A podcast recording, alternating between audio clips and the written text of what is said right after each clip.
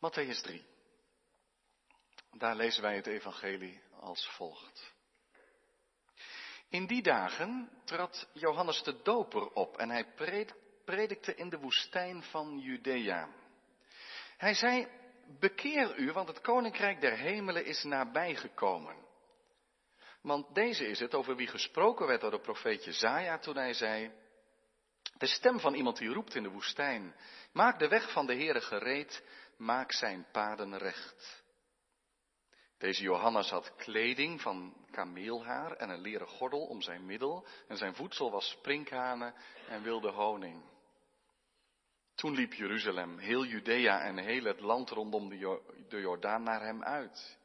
En ze werden door hem gedoopt in de Jordaan, terwijl zij hun zonden beleden. Toen hij vele van de fariseeën en sadduceeën op zijn doop zag afkomen, zei hij tegen hen, addere gebroed, wie heeft u laten weten dat u moet vluchten voor de komende toorn? Breng dan vruchten voort in overeenstemming met de bekering. En denk niet dat u bij uzelf kunt zeggen, wij hebben Abraham als vader. Want ik zeg u dat God zelfs uit deze stenen voor Abraham kinderen kan verwekken. De bijl ligt al aan de wortel van de bomen. Elke boom dan die geen goede vrucht voortbrengt, wordt omgehakt en in het vuur geworpen. Ik doop u wel met water tot bekering, maar hij die na mij komt is sterker dan ik. Ik ben het niet waard hem zijn sandalen na te dragen.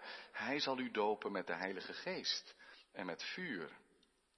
Zijn wan is in zijn hand en hij zal zijn dorsvloer grondig reinigen en zijn tarwe in de schuur verzamelen. En hij zal het kaf met onuitblusbaar vuur verbranden. Toen kwam Jezus van Galilea naar de Jordaan naar Johannes om door hem gedoopt te worden. Maar Johannes wilde hem hiervan weerhouden en zei, ik heb het nodig door u gedoopt te worden. En komt u naar mij? Maar Jezus antwoordde hem en zei, laat het nu gebeuren, want op deze wijze past het ons alle gerechtigheid te vervullen. Toen liet hij het hem toe. En nadat Jezus gedoopt was, kwam hij meteen op uit het water en zie, de hemelen werden voor hem geopend en hij zag de geest van God als een duif neerdalen en op zich komen. En zie, een stem uit de hemelen zei, dit is mijn geliefde zoon, in wie ik mijn welbehagen heb. Tot zover lezen we uit de Bijbel het woord van God voor deze dienst. Zalig zijn zij die het woord van God horen en geloven en daaruit leven. Amen. Broeders en zusters, mensen hier en thuis. Zag u het ook? De eetaflegging van president Joe Biden. Indrukwekkend begin van zijn termijn als president van de Verenigde Staten. Op een historische plaats natuurlijk, het Capitool, waar al zoveel presidenten ingezworen zijn. En dan de toespraak van Biden. Een heel statement. Een preekhaast, dacht ik eventjes. Over verbinding en menselijkheid en teruggewonnen eenheid. Nu zeg je, ja, dat is nou niet direct het eerste waar ik aan denk als het de preek moet gaan over Jezus die gedoopt wordt in de Jordaan. Want de situatie is, eerlijk is eerlijk, natuurlijk heel anders. Niet het kapitool, maar een rivier. En het was best een aardige rivier, de Jordaan hoor, maar het was ook niet een wereldrivier van formaat. Dan zou je naar de Tigris of de Eufraat gaan of zo. De Jordaan. Mooie rivier, kleine rivier. Niet direct te vergelijken met die inauguratie. En toch, waarom maak ik die vergelijking even? Omdat wat Jezus hier doet, in dit gedeelte, niets minder is dan zijn, ja, ik kan het geen eetaflegging noemen natuurlijk, maar wel een soort inauguratie. Met andere woorden, het begin van zijn administration zou je kunnen zeggen. Het begin van zijn bediening. Dit, is, dit staat aan het begin van wat hij gaat doen. Het is het begin van zijn missie. En Jezus laat aan het begin van deze missie ook zijn mission statement zien. En dat doet hij niet in de vorm van een toespraak zoals president Biden dat deed. Om daarmee als het ware een visitekaartje af te geven van zo zal het eruit zien, zo wil ik mijn, mijn werk gaan typeren. Ik wil heel Amerika verenigen. Jezus doet dat niet in woorden, maar hij doet dat door iets te doen. Door een handeling. Hij stapt naar Johannes de Doper toe en zegt, ik wil dat je mij in dat water van de Jordaan, waar zoveel mensen in gedoopt worden, wil ik dat je mij doopt. Hij laat zich dopen door Johannes de Doper. En hoe veelzeggend en verrassend dat is, dat ga ik in deze preek proberen uit te leggen. Want het zegt zoveel over wie Jezus is. En wat het betekent om bij Hem te horen, hoe goed het is. Om bij Hem en bij het Koninkrijk van God te horen. En jouw beleidenis, Rianne, en de doop van jullie, Nicolai, mag daar vanmorgen alle aandacht naar uitgaan wie Jezus is. Want je staat daar straks niet met jouw sterke geloof. En dat het geloof sterk mag zijn, dat hoop ik. En dat bidden we. En, en dat is prachtig. Maar het gaat uiteindelijk in het geloof dat we ontvangen wat Hij ons geeft. En dat ons vertrouwen op Hem mag zijn. En dat is maar goed ook, juist als je momenten tegenkomt dat je soms het gevoel hebt dat je geloof wankelt. Of dat het helemaal niet zo sterk staat, dat Hij overblijft. Jezus bij wie je horen mag. Je kunt de doop van Jezus pas goed begrijpen als je, en daarom begonnen we al eerder te lezen, iets ziet van die doop van Johannes de Doper. Hij preekt en hij doopt. En dat blijft niet onopgemerkt, want we lezen dat heel Jeruzalem uitloopt en Judea en de omstreken van de Jordaan. Dus eh, het ziet er zwart van de mensen. Drommen mensen daar bij de Jordaan. En dat terwijl hij als prediker behoorlijk streng en behoorlijk scherp is. Dat heeft de mensen niet afgeschrikt, maar dat heeft ze juist aangetrokken. Dit was iemand die, die zwart-zwart noemde en wit-wit noemde. En die echt tegen de mensen zei, hoe godsdienstig ze verder ook waren, jullie zijn niet klaar om God in je midden te ontvangen. Jullie zijn niet klaar voor de Messias. Je moet je bekeren. En, en die doop, dat was natuurlijk schokkend, hè? Heidenen moesten gedoopt worden als ze bij het volk van God gingen horen. Maar Johannes zegt, nee, het volk van God, Israël moet zelf gedoopt worden. Je, je gaat je zonden beleiden en die worden dan afgewassen symbolisch in het water van de Jordaan. En terwijl de mensen beleden hoe zondig ze waren, duwde Johannes ze onder in dat water. Waarmee dus duidelijk gemaakt werd dat ze dat oude leven achter zich lieten en opstonden in een nieuw leven. Zijn prediking was zoals gezegd scherp. In vers 8 bijvoorbeeld kun je dat behoorlijk duidelijk zien. Daar staat dat hij zegt, breng dan vruchten voort in overeenstemming met de bekering. Dat zegt hij tegen de meest godsdienstige mensen die eens even komen kijken wat Johannes daar allemaal doet. Breng vruchten voort. Het is niet genoeg als je zegt, ik hoor bij Abraham en het verbond. Nee, het moet zichtbaar zijn aan je leven. En dan staat er in vers 11 dat hij zegt, er komt na mij iemand die veel belangrijker is dan ik.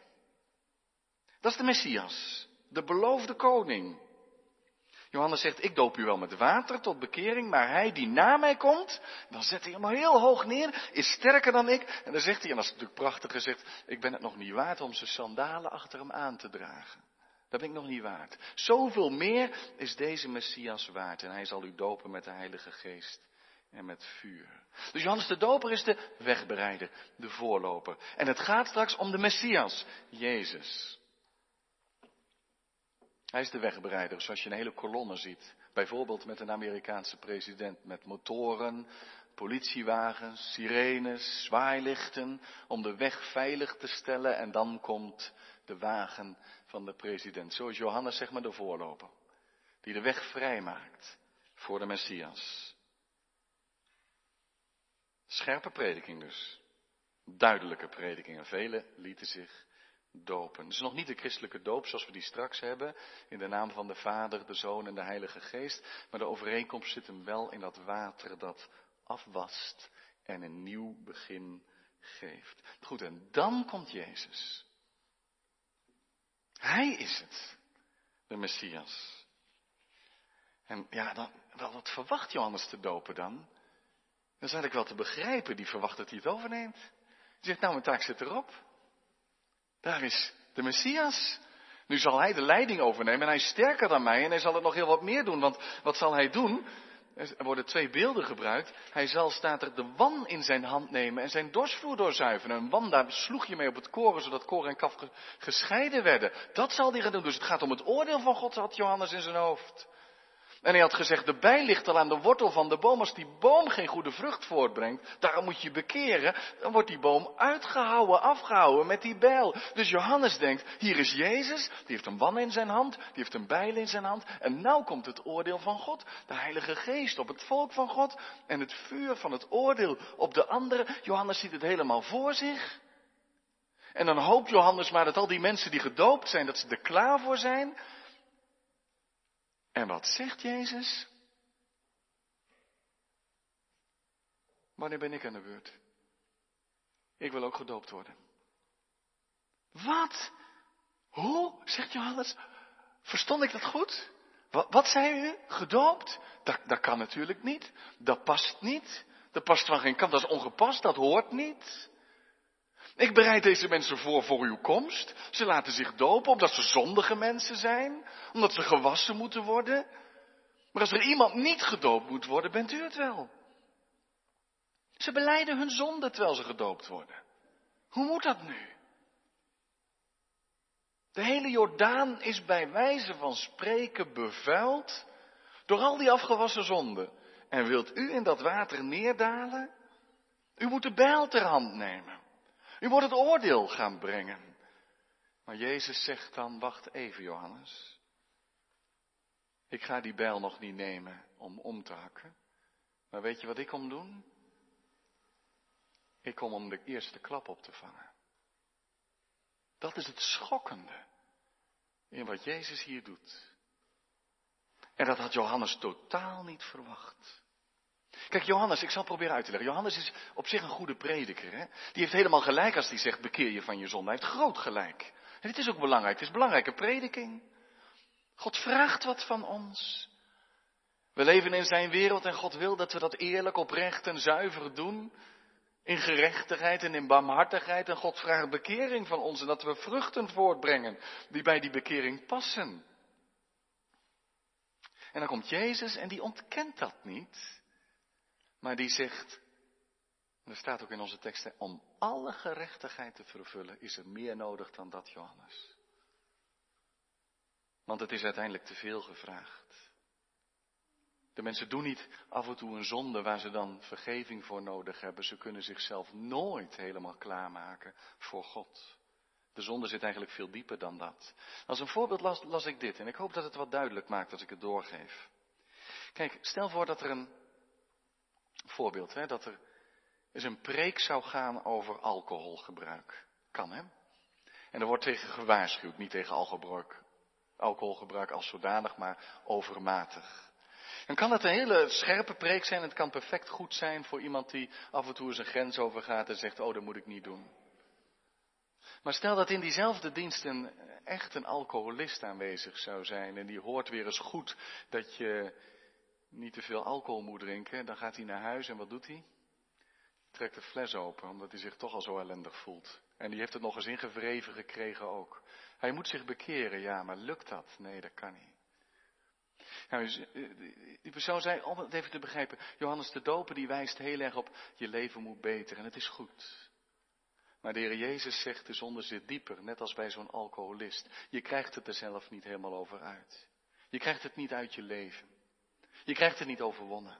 Er moet iets meer gebeuren dan dat. Want het is sterker dan jezelf. En daarom zegt Jezus, daarom wil ik gedoopt worden, want ik ga je plaats innemen. Ik ga je plaats innemen. En daarom zegt Jezus, ik wil gedoopt worden. Ik wil me aansluiten bij al die mensen die de zonde laten afwassen in de Jordaan. Ik wil in hun schoenen staan.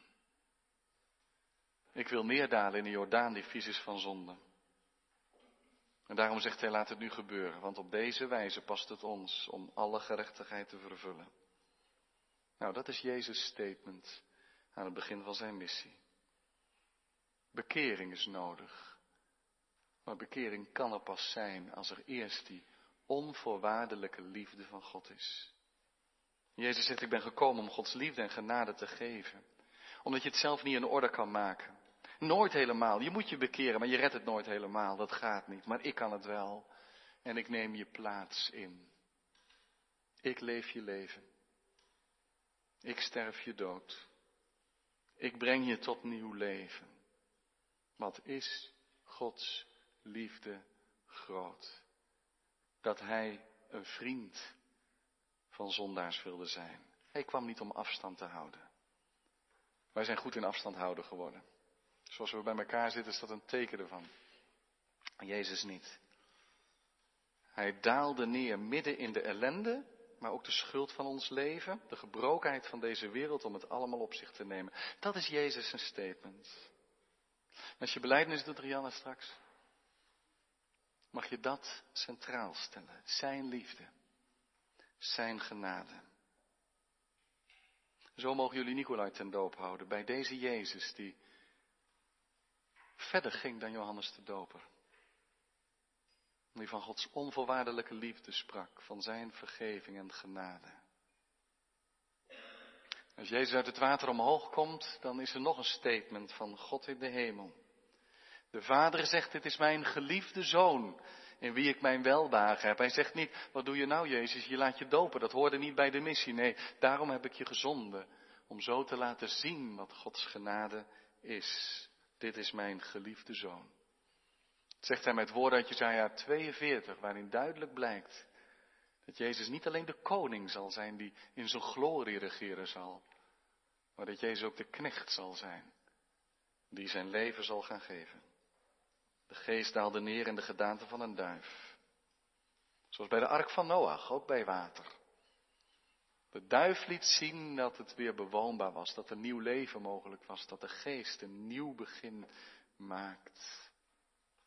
Nu, dit gedeelte klinkt in jouw beleidingsdienst, Rianne, in de doopdienst van jullie Nicolai. De beleidenis verbindt je met de weg van Jezus Christus, met Hemzelf, de Redder, die in zijn doop en zijn hele leven, in zijn lijden, sterven en opstanding, onze Heere en onze Redder is. En onze doop, ik zeg de doop van Nicolai, maar ook onze doop, jullie doop, mag die betekenis bij zich dragen.